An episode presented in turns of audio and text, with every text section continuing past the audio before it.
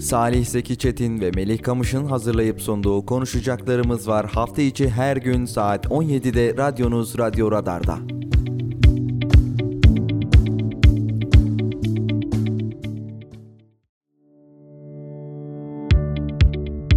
Salih Zeki Çetin ve Melih Kamış'ın sunduğu konuşacaklarımız var başlıyor.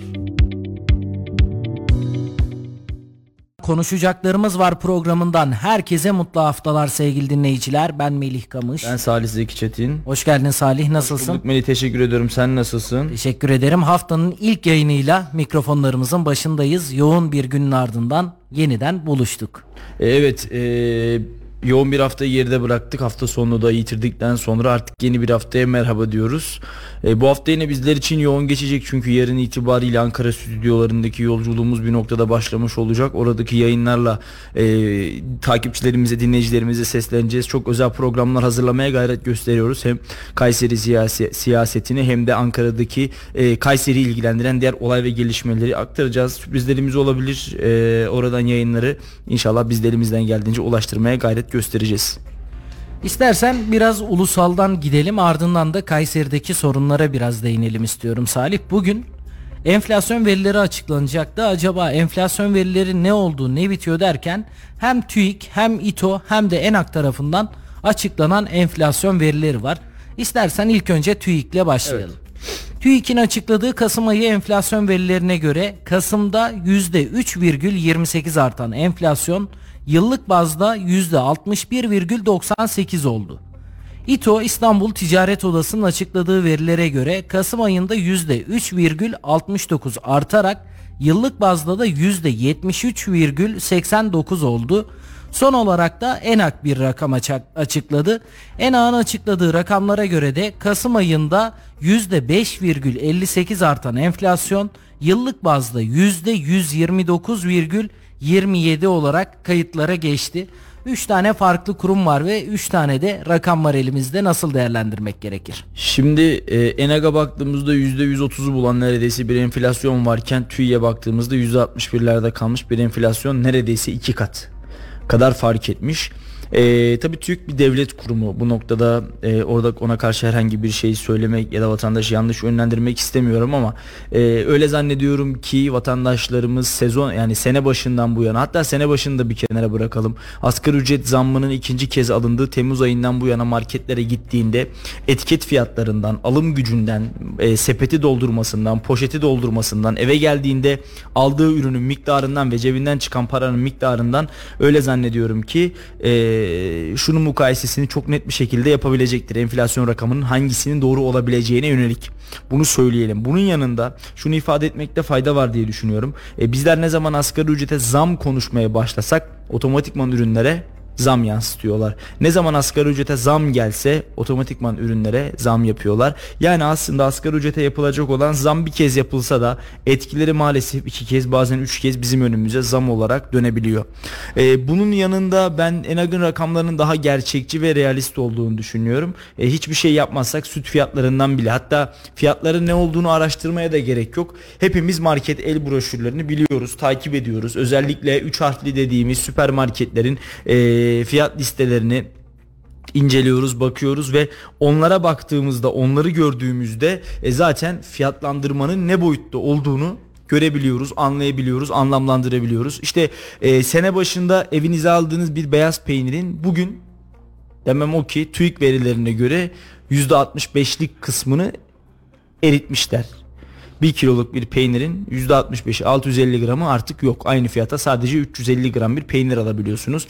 Ee, enak verilerine göre onu da alamıyorsunuz. Üstüne bir de borçlanmışsınız. %130'luk bir fark var ama tabii şunu söyleyeyim e, bizler de bugün markete gittiğimizde ya da alışveriş yapmaya çıktığımızda fiyatların ne kadar el yakıcı ve ne kadar ateş pahası olduğunu çok net bir şekilde görüyor, idrak edebiliyoruz.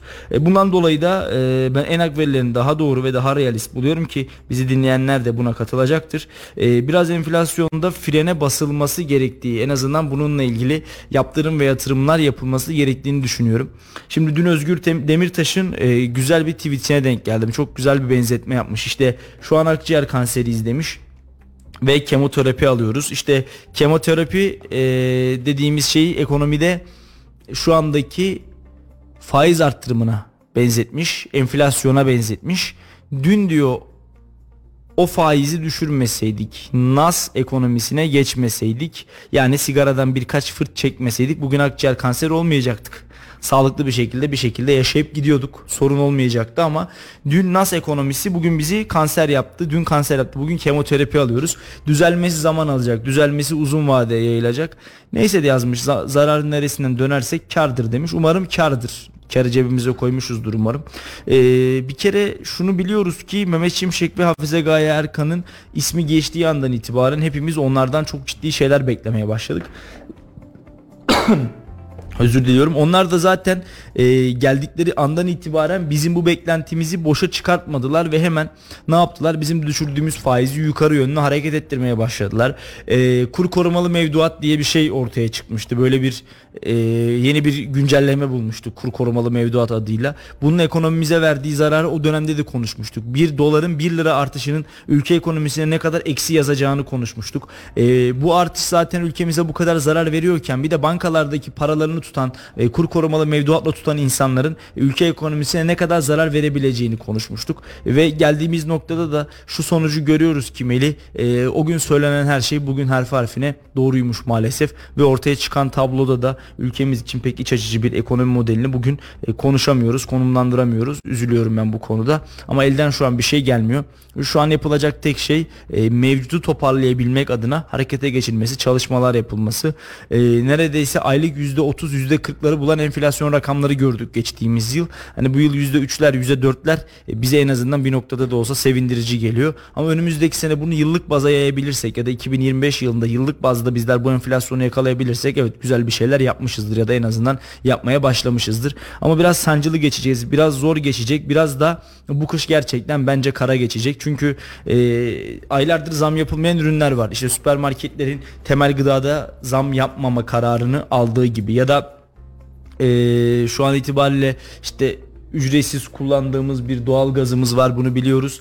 Ee, yaz döneminde hiç kullanmadığımız bir doğal gazımız var bunu da biliyoruz. Ama dönüp baktığımızda e, kış döneminde kullanacağımız doğal gaz, e, kış döneminde evimize gelecek olan faturalar ve buna bağlı e, gelişen maalesef birçok problem bizim hepimizin kapısında. E, şimdi eskilerin bir deyimi var yani Mart kapıdan baktırır, kazma kürek yaktırır. O dönemde yakacak bir kazma küreğimiz varmış. Yani en azından bu söz telaffuz edildiğinde, bu söz söylendiğinde Mart ayında yakacak kazma ve küreğimiz varmış. E, şu an geldiğimiz noktada Mart geldiğinde bizim öyle zannediyorum ki yakacak bir kazma küreğimiz bile e, olmayacak ya da kalmayacak diye düşünüyorum. Doğalgazla ilgili değil birazdan faturalar konusuna genel olarak değinmek istiyorum Salih ama bununla beraber TÜİK'in açıkladığı rakamlar e, zam yapılırken ele alınıyor. Yani bizler ENAK'tır, İTO'dur farklı farklı rakamlar var elimizde ama bizler devlet kurumu olduğu için TÜİK'in açıkladığı rakamlara istinaden zamları yapıyoruz. Bununla ilgili de bugün bir haber vardı. TÜİK Kasım ayı enflasyon rakamları bugün açıklandı. Buna göre Kasım ayında enflasyon aylık %3,28 artarken yıllık enflasyon %60,98 olarak gerçekleşti. Kasım ayı enflasyon rakamları sonrası refah payı hariç 5 aylık emekli ve memur zam oranı kesinleşti. Memur ve emeklileri için zam oranı %44,89, SSK ve Bağkur emeklileri için %33,64 zam oranı kesinleşti. Bununla beraber de elimizdeki zam oranı 5 aylık zam oranı da kesinleşmiş oldu Salih. Evet. Şimdi bakıyoruz memur ve emeklileri için %44,8, SSK ve Bağkur emeklileri için de %33,64 zam oranı. Bunda bence konuşmak gerekiyor. Yani 5 aylık zam oranı diyoruz ama SSK ve Bağkur emeklileri zaten ara dönemde bir zam alacak diye bekliyorduk ama 7500 lira olduğu için alamamışlardı. Şimdi de gelen zama bakıyoruz %33,64. Şimdi e, emekliye vermek için çalışandan almak gerekiyor. Bunu hepimiz biliyoruz. Emekliye tabii ki verelim. Bundan yana da bir sıkıntı yok ama bizler e, ben biraz karşıyım açık söylemek gerekirse. EYT dediğimiz durumun e, ülkemizde işte 35-40 yaşındaki çalışma gücü olan insanları emekli etmesine ben şahsen karşıyım. Şimdi 35 yaşındasınız, 40 yaşındasınız. Hasper kadar işe başlamışsınız ve günün birinde emekli olmuşsunuz. Tamam iyi güzel hoş. Şimdi bizler bu insanları niye emekli ettik? O bölgeler açılsın İstihdam kapıları sağlansın, gençler iş bulsun, işlerine girsin, çalışsınlar. Biraz da olsa ülkede işsizlik azalsın, istihdam artsın, genç işsiz sayımız da biraz azalmaya şansın. Fakat bizim EYT'lilerimiz sağ olsun hem maaş alıyorlar hem çalışıyorlar. Yani bu tabii ki kendi tercihleri. Ben buna da bir şey demiyorum ama e, devletin hedeflediği, milletin gördüğü ve hani EYT çıksın dediğimiz noktada e, milyonlarca emekli, yaşa takılan emekli ilgilendiren bu sorunda evdeki hesap çarşıya ne yaptı? Uymadı. Çünkü emeklilerimiz hem emekli maaşlarını al- almaya devam ediyorlar hem de çalışmaya devam ediyorlar. E, bu durumda ne oldu? Gençler yine iş bulamadı. Yani amaç orada genç işsizleri iş sahibi yapmaktı. Bu da olmadı. E sonra döndük tekrar aslında biz o insanlara maaş verip bir de aynı zamanda normal işlerinde çalışmalarına devam etmelerini sağladık ve e, bu da ne yaptık? Birazcık maaşlarını düşük tuttuk. Tam manasıyla zammı verememiş olduk.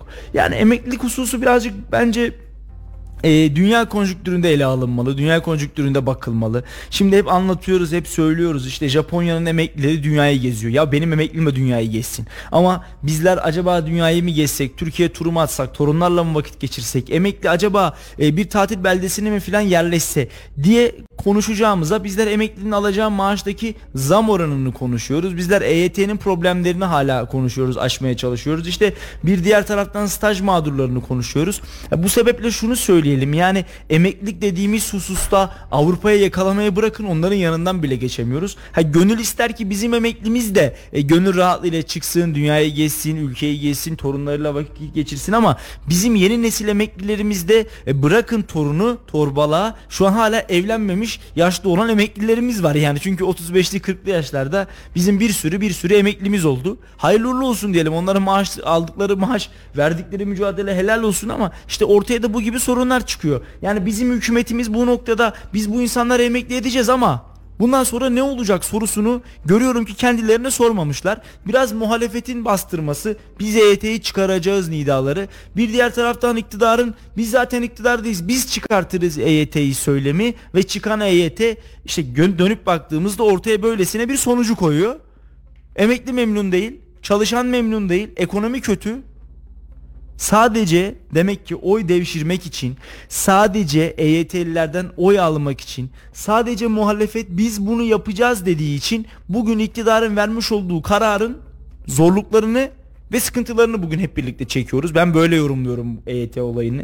Daha akılcı, daha makul ve daha kalıcı bir çözümle bütün bir emekliyi memnun edecek, çalışanı memnun edecek, ekonomide bu kadar ağır bir yük ve hasar bırakmayacak. Bundan sonraki 10-15 yılımızda da EYT'den maaş alacak ya da alanları daha rahat bir şekilde maaşlarını öder pozisyona iktidarımızın kendini yani devletimizin kendini hazır etmesi gerekiyordu. Ama işte o dönem Çalışma Bakanımız olsun, e, Hazine ve Maliye Bakanımız olsun demek ki yeteri kadar çalışma yapmamış. Demek ki doneler tam manasıyla güç sahiplerine aktarılmamış, verilmemiş ve parlamentodan alınan karar da Demek ki tam manasıyla süzgeçten geçirilmemiş. Ben bu noktada bakanlarımıza kızıyorum. Milletvekillerimize kızıyorum. Bu kararı alanlara kızıyorum. Yani EYT'yi çıkartıp emekliye düşük maaş verip bu insanları hala çalışmaya mahkum eden de sizsiniz. Bu insanları 35-40 yaşında emekli ederek ülke ekonomisinin sırtına biraz daha fazla binen paye de sizsiniz. Ve bu insanları emekli ettiğiniz noktada onlar işten çıkmayıp gençler hala iş bulamıyorsa bunun suçlusu sorumlusu da sizsiniz. Bir tarafı yaparken birkaç tarafı yıkmamak lazım. Sosyal devlet, hükümet olmak, devlet, insanı yaşat ki devlet yaşasın stratejisinde hareket etmek demek ki bu değilmiş. Bunu görüyoruz. Bundan dolayı bence daha e, ölçülük biçilerek karar alınmış bir EYT yasası hepimiz için daha faydalı bir şekilde kullanılabilirdi.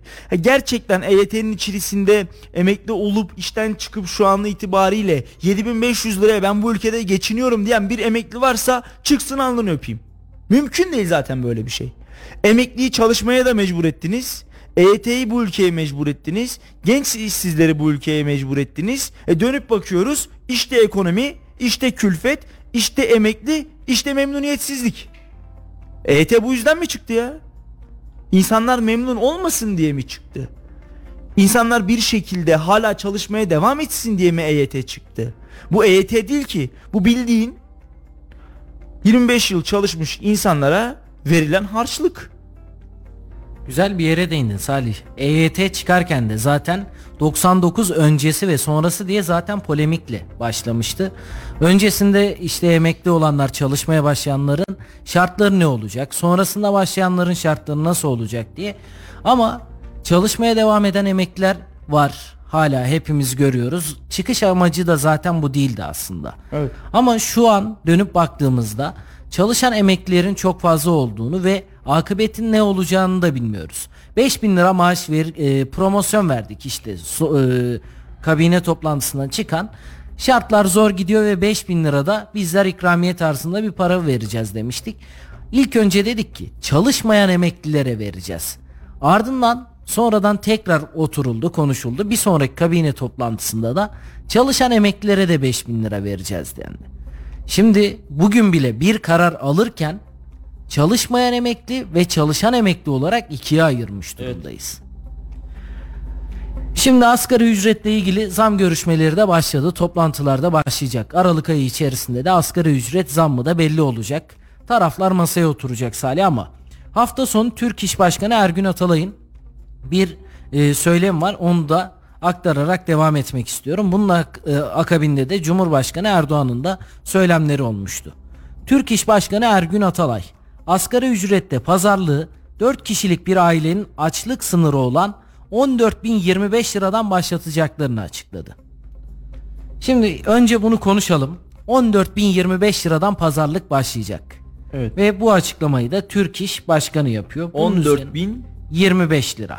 yani Türk İş'in istediği rakam 14 bin. Bunun üzerinden pazarlıklar yapılacak. Yani 14 binden daha düşük bir tutara asgari ücreti hayırlı olsun mu diyeceğiz? Yani toplantılarda durum nasıl gidecek, nasıl gelecek tam anlamıyla bilmiyoruz ama Türk İş Başkanı'nın şu an için duyduğumuz söz başlayacakları rakam 14.025 lira olacakmış. Bununla ilgili de Cumhurbaşkanı Erdoğan'ın da bir asgari ücret açıklaması var.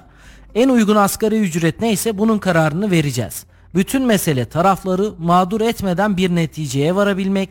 Biz vatandaşımızı bugüne kadar enflasyonu ezdirmedik ve ezdirmeyeceğiz ifadelerini kullanmış Cumhurbaşkanı Erdoğan. Bir şunu söyleyeceğim 14 bin liralık bir asgari ücret pazarlığı kimin işine yarayabilir ki? Şimdi 3 bin lira mı sadece bu ülkede bizim paramız yılbaşından bu yana azalmış değer kaybetmiş? Buradan bunu mu anlayalım? Peki Sayın Cumhurbaşkanı'nın ezdirmeme anlayışı da 14 bin lira üzerine ise keşke biz bu pazarlığı seçim öncesi yapsaydık kendisiyle. Çünkü seçimden önce ne istesek verdiler yani Ee, ne deniyorsa çıktı işte KYK'nın faizi dediler silindi işte EYT dediler onu da veriyoruz dedi. Köprü otoyollar dedi ücretsiz dedi. Hızlı tren dedi sen de ücretsiz ol dedi. Ee, doğalgaz dedi Ka- Karadeniz'de bulduk dedi. Hadi siz de e, iki ay mı bir ay mı ne o dönem para ödememiştik herhalde dedim bir aydı. E, do- kalorifere hadi ücretsiz dedi. Yetmez dedi evlerde kullandığınız dedi yakıt dedi ücretsiz olsun dedi. E, seçim bitti. Bunların faturası bizden misli misli çıkıyor. Bu dönemde de seçim yok. İşte asgari ücret pazarlığı öyle 14 bin liradan başlar. Seçim öncesi olsaydı bu pazarlık 20 bin liralardan aşağıya açılmazdı kapılar ama 14 bin lira demek ki 13 bin 500 lira falan e, tekabül eden bir asgari ücret rakamını göreceğiz. Ha, asgari ücretin sonrasında da ben şunun altını çizerek söyleyeyim. E, kimsenin memnun olmayacağı bir tabloyla karşılaşacağız demek ki. Türk Yani bu 14 rakamı da açıklayan yani İş- işçinin bir kolu bu rakamdan başlıyorsa Türk İş e, 14 bin lirayla başlatıyorsa bu işi e, vay o Türk İş'in halin- haline diyelim. E, Murat Hançer bizi dinliyormuş. İyi yayınlar diliyor. Teşekkür ediyoruz kendisine. Sevgilerimizi iletiyoruz. Murat Hançer başta olmak üzere bizi dinleyen herkese selamlarımızı iletelim. Yani vay o işçinin haline böyle temsilciler olduktan sonra başka düşmana gerek olduğunu düşünmüyorum. Neyse çok o konulara girmiyorum. Uzun uzun temsil etmeye Mercedes arabayla giden gidilirse böyle olur. yani uzun uzun halinden de anlamak gerekiyor. Mümkün değil. Uzun uzun o konuları asgari ücret pazarlıklarında konuşacağız. Ee, biraz aslına bakarsan böyle bugün seninle beraber yaşadığımız ufak bir mağduriyet vardı ki. Ondan öncesinde hemen hafta sonuna ufak bir parantez açmak Peki. istiyorum. Kayseri Beraber gittik. Yok Kayseri Spor'a geleceğiz. Kayseri Spor'a başarılar dileyelim bir kez daha. Trabzon'u yendik. Kayseri Spor'a da ayrıca geleceğiz ama Evet. 3 Aralık Dünya Engelliler Günü'ydü Salih ve Evet. 2 Aralık'ta bir program yapıldı. Kayseri İl Protokolü komple neredeyse oradaydı ve Koca Sinan Belediyesi'nin Down sendromlu futbol takımıyla bir futsal maçı yapıldı. Yani Kayseri il protokolü tamamen oradaydı desek muhalefet partilerine ayıp etmiş oluruz. Ki zaten bence ayıp edilmiş onu söyleyeyim. Yani e, burada belki biraz siyasi bir yorum olacak ama şunu söylemeden geçemeyeceğim. Bir organizasyon yapıyorsanız il protokolünü temsilen birilerini oraya çağırıyorsanız kusura bakmayın yanlış da anlamayın. Bu ülkede bu, bu şehirde muhalefet de var. Onların meclis üyelerini de il başkanlarını da milletvekillerini de çağıracaksınız. Ama biraz burada e, bırakalım muhalefeti Cumhur İttifakı'nın bir diğer paydaşı olan Milliyetçi Hareket Partisi'nin belediye başkanları da çağrılmamış, milletvekilleri de çağrılmamış, il yöneticileri de çağrılmamış, il başkanı da çağrılmamış. Ben isterdim ki o gün yayında da söyledik zaten. İşte eski futbolcuymuş Cumhuriyet Halk Partisi'nin il başkanı Feyzullah Bey'i orada görmek. Ben isterdim ki Kayseri Spor'un her daim yanında olan ve halı sahada futbol oynadığını bildiğimiz Baki Ersoy'un orada olmasını. Ben isterdim ki geçmiş yıllarda basketbolculuğuyla hatırladığımız, bildiğimiz en azından e, İyi Partili Kazım Yücel'in de organizasyona çağrılmasını ben şahsen isterdim ama böyle uygun görülmemiş diyelim. Organizasyon genel itibariyle güzeldi.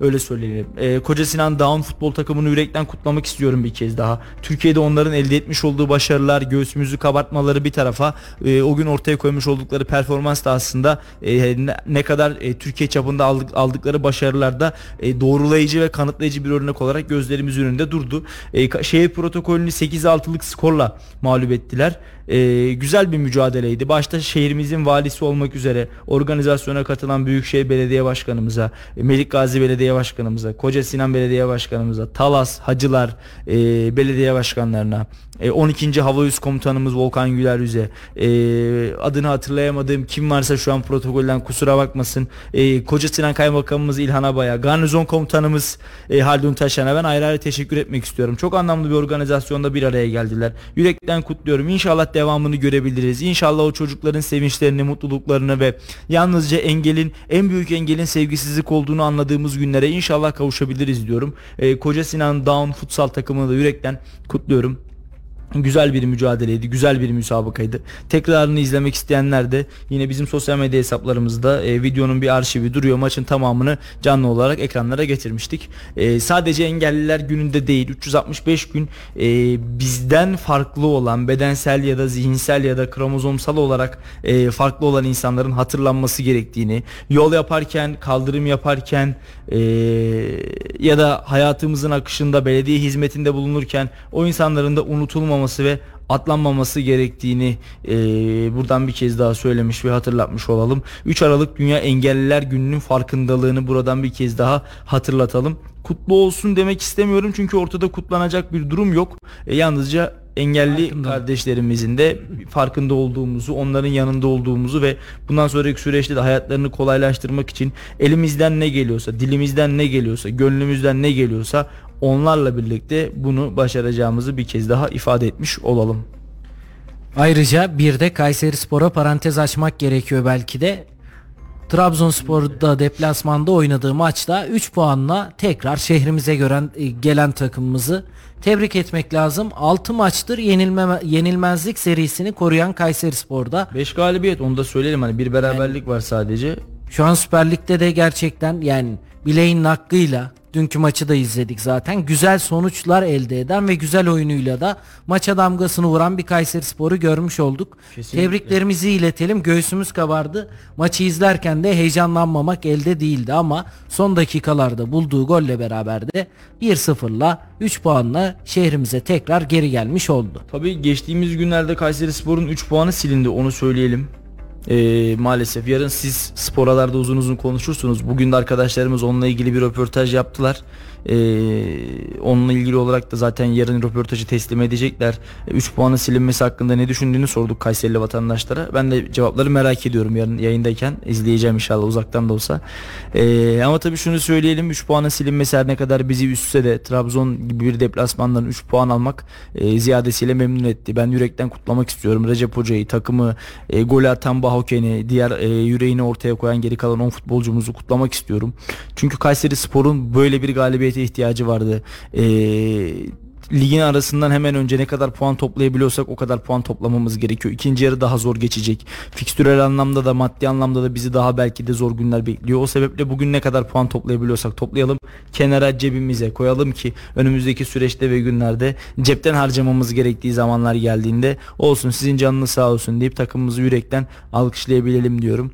Ee, Kayseri Spor'a bir sonraki mücadelesinde ben başarılar diliyorum. Önümüzdeki hafta yanılmıyorsam iç sahada bir e, müsabakaya çıkacak şehrimizin temsilcisi. E, şu anda puanımız silinmiş olmasına e, rağmen 4. sırada bulunuyoruz 23 puanla. Silinmemiş olsa e, 26 puan e, özür dilerim 6. sırada bulunuyoruz. E, puanımız silinmemiş olsa 26 puanla 4. sırada olacağız ve 3. Beşiktaş'la aynı puana sahip olmuş olacaktı Kayseri Spor. Bu hafta kendi sahamızda Pendik Spor'la oynayacağız. 10 Aralık'ta e, pazar günü gerçekleşecek e, mücadele ve e, şimdiden Kayseri Spor'a başarılar dileyelim. E, inşallah göğsümüzü kabartacak bir futbol ve ortaya koyacakları performansla da e, bir kez daha 3 puanı hanemize yazdıran taraf olabiliriz. İnşallah. Salih biraz da Kayseri gündemine dönelim istiyorum. Şimdi Kayseri'de belli başlı hep kronik olarak nitelendirdiğimiz bazı sıkıntılar var. Bugün de seninle beraber yaşadık. Hunat çevresine gittiğimizde trafik yani otopark sıkıntısını maalesef o bölgede tam anlamıyla çözemedik. Evet. Ve bugün de seninle hiç yoksa bir 10-15 dakika sadece aracı park etmek için uğraştık. Yani şehirde böyle bazı yerlerde özellikle Sahabiye tarafında, Hunat tarafında şehir merkezine geldiğimizde araçlarımızı park etmekte sıkıntı yaşıyoruz. Bu konuya ayrıca bir parantez açıp konuşmamız da gerekiyor. Yaptıklarımız kadar yapmadıklarımızla da belki öne çıkmamız lazım. Eleştiri evet olacak mutlaka olacak ama yapıcı eleştiri, şehir için eleştiri olursa, bununla ilgili çalışma yapılırsa da zaten vatandaş için olduğundan yani bu konulara da değinmemiz gerekiyor diye düşünüyorum. Şimdi Meli e, gurbetçi vatandaşlarımız her buraya geldiğinde bizler bu sorunu konuşuyoruz. Ne diyoruz? İşte bu şehirde park sorunu var. Bu şehirde park sorunu var. Bu şehirde park sorunu var. Bizim şu an itibariyle yaşadığımız, gördüğümüz ve karşımıza çıkan tabloda da aslında bu şehirdeki park sorunu bugün bir kez daha bizim gözümüzün önüne serilmiş oldu sadece. Hepsi bu. E çünkü gerçekten e, bu şehirde biz bugün 10 dakika 15 dakika araç park etmek için uğraştık, didindik, mücadele verdik. Doğru mu? Evet. Birilerinin artık bu soruna el atması gerekiyor. Birilerinin e, şehrin gidişatını düzenlemesi ve düzeltmesi gerekiyor. O ben değilim. Ben olamam da zaten. Çünkü bu şehri yöneten bir belediye başkanı var. Bu şehri yönetenler var. Bu şehre hizmet etmek için kollarını sıvadığını iddia edenler var ve bu şehri yönetmek için e, niyet alıp o niyet doğrultusunda da koltuğunun başına oturup sadece ve sadece şehir yönetmeye gayret eden büyüklerimiz var. Başkanlarımız var. Şimdi ben burada şunu anlamıyorum. Yıllardır kronikleşmiş sorunlar, yıllardır kronikleşmiş problemler ve bu şehrin artık park sorunu olduğu 2'nin 2'nin 2 2 daha 4 ettiği kadar aşikar bir problem. Çok uzaklarda sorunu, çok uzaklarda sıkıntıyı, çok uzaklarda problemi aramaya gerek yok. Uzaydan, göklerden, bilmediğimiz coğrafyalardan, bilmediğimiz topraklardan eee, farklı farklı sebepler ve sonuçlar arayıp bunları getirmemize önümüze filan gerek de yok. Neyse o zaten her şey ortada aşikar gözüküyor ama ısrarla çözülemeyen bir park problemimiz var. Koca şehirde, devasa büyüklükte bir şehirde yaşıyoruz. Ama kargacık burgacık sıkıştığımız şehir merkezinde arabalarımızı park edecek yer bulamıyoruz.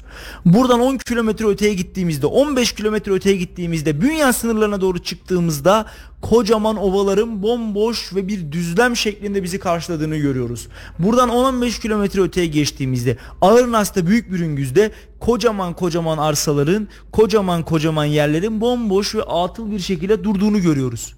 Diğer tarafa doğru 15 kilometre gittiğimizde neredeyse İncesu tarafına gelmeden kocaman devasa arsaların bomboş olduğunu görüyoruz. Ama bizler 10-15 kilometrelik bir şehir merkezine sıkışmış, burada yaşamaya çalışan, koca katlı binaların içerisine hapsolmuş ve bunların içerisinde de bu kadar bolluğun ve bereketli toprakların olduğu yerde de küçücük evlere hapsolmuş insanlar toplumsal toplumlar haline ne yaptık getirildik. Çok üzülüyorum.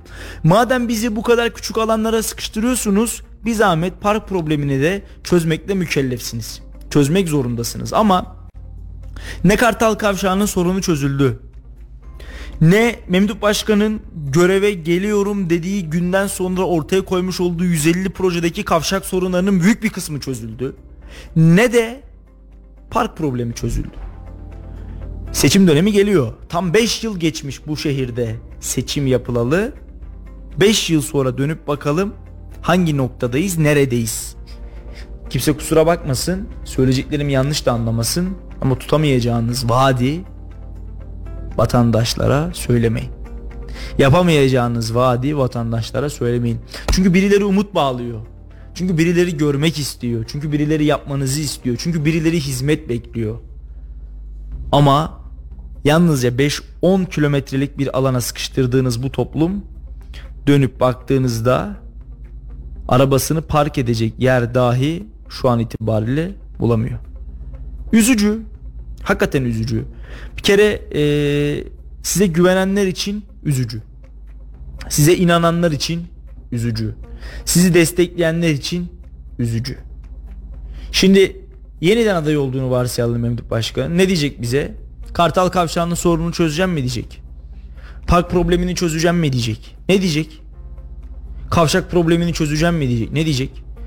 5 yıldır görevdesiniz zaten. 5 yıldır. Bir zahmet bu sorunların aşılmış ve çözülmüş olması gerekiyor görev sürecinin görev sürenizin sonunda. Ne yaptık? Hiçbir şey yani 5 ayda çözemediğimiz sorunu son 3 ayda mı çözeceğiz? Bu mudur? 150 tane proje açıklamış. İlerleyen günlerde onları tek tek muhtemel suretle açıklayacağız. Tek tek üzerinden geçeceğiz, konuşacağız. Elimizde PDF'ler mevcut. Yani ee, belediye başkanının seçime girmeden önce vaat diye önümüze sunduğu 150 projenin PDF'i elimizde mevcut. Hepimizde var. En azından bende var. Bunları konuştuğumuzda oradaki hizmet skalasına baktığımızda hangisinin yapılmadığını, hangisinin yapıldığını konuştuğumuzda kim bilir neler söyleyeceğiz. Şimdi bakalım. Adaylar yarın bir gün açıklanacak.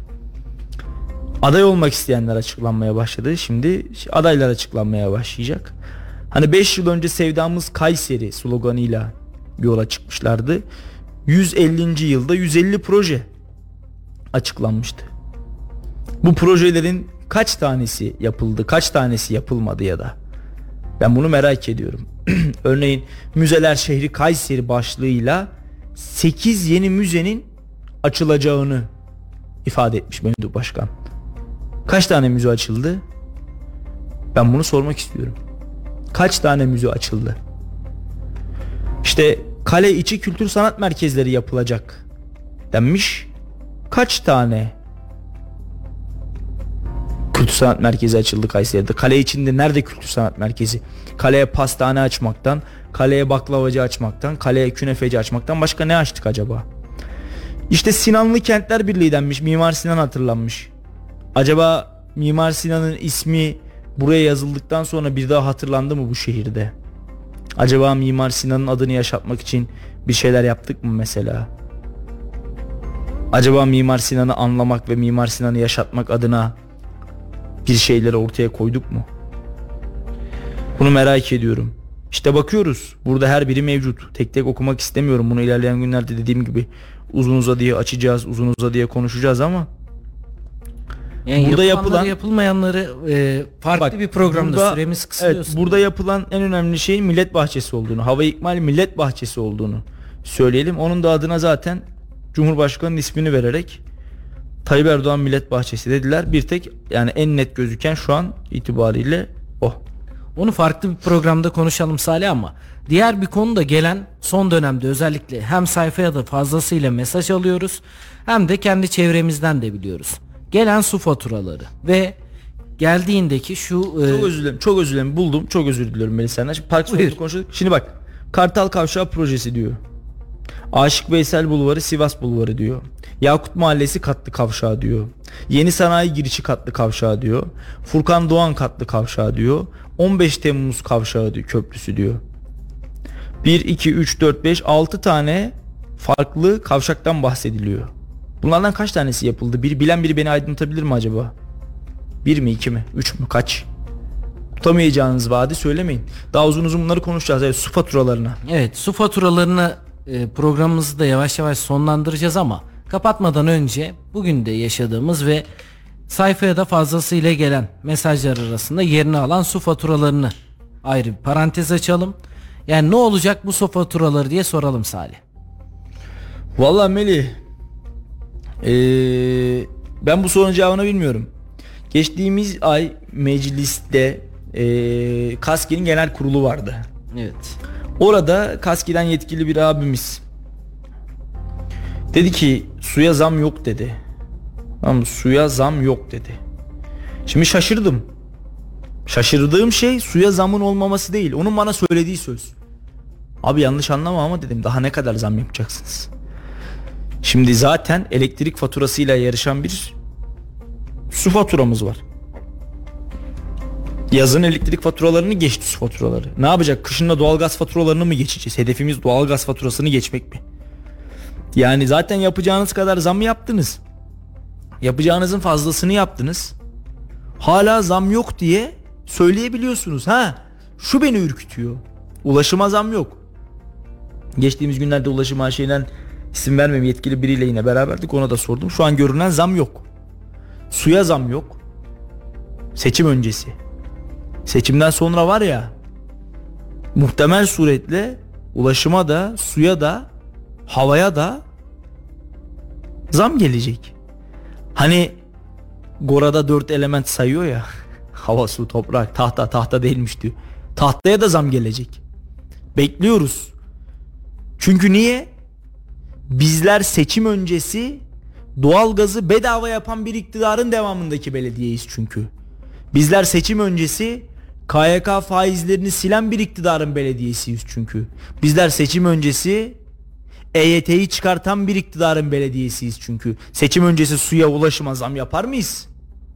Ama seçimden sonra vermiş olduğu doğalgazın faturasının parasını bu vatandaştan misli misli alan bir iktidarın belediyesiyiz. Seçimden sonra MTV'yi iki katı alan bir iktidarın belediyesiyiz. Seçimden sonra bugün yapmadığımız su zammını da ulaşım zammını da fazla fazla yaparız. Kimse merak etmesin. Verilmek istenen mesaj aslında bu. Ben bunu söylediğimde bana kızıyorlar. Ben bunu söylediğimde bazı şeylere muhalefet etmekle aslında karşı karşıya kaldığım söyleniyor. Benim burada muhalefet ettiğim şey cebimden çıkan para ya. İki tane MTV ödedim. İki tane. Ve dönüp baktığımızda inşallah yanılan taraf oluruz ve e, su faturalarına gerçekten Kaski'nin söylediği gibi daha fazla zam gelmez diyelim. Ağzına yüreğine sağlık Salih. İleriki programlarda bu konuyu da daha çok açarız ve daha çok da konuşmuş oluruz. Varsa son sözlerini alalım ardından da yayınımızı noktalayalım. Yok Melih teşekkür ediyorum. Haftaya başladık. Ee, önümüzdeki günlerde yine yayınlarla ulaşmaya devam edeceğiz. Ben şimdiden herkese keyifli bir hafta diliyorum. İnşallah e, ekonomik anlamda kötü günleri konuşmadığımız e, ve hepimiz için güzel haberleri verdiğimiz bir hafta olur diyorum. Sana da teşekkür ediyorum. Ağzına yüreğine sağlık. Haftanın ilk yayınıyla sizlerle birlikteydik. Bizi dinlediğiniz için, bize vakit ayırdığınız için her birinize ayrı ayrı teşekkür ediyoruz. Yeni yayınlarda görüşünceye dek hoş kalın, hoşça kalın. Salih Seki Çetin ve Melih Kamış'ın sunduğu konuşacaklarımız var sona erdi.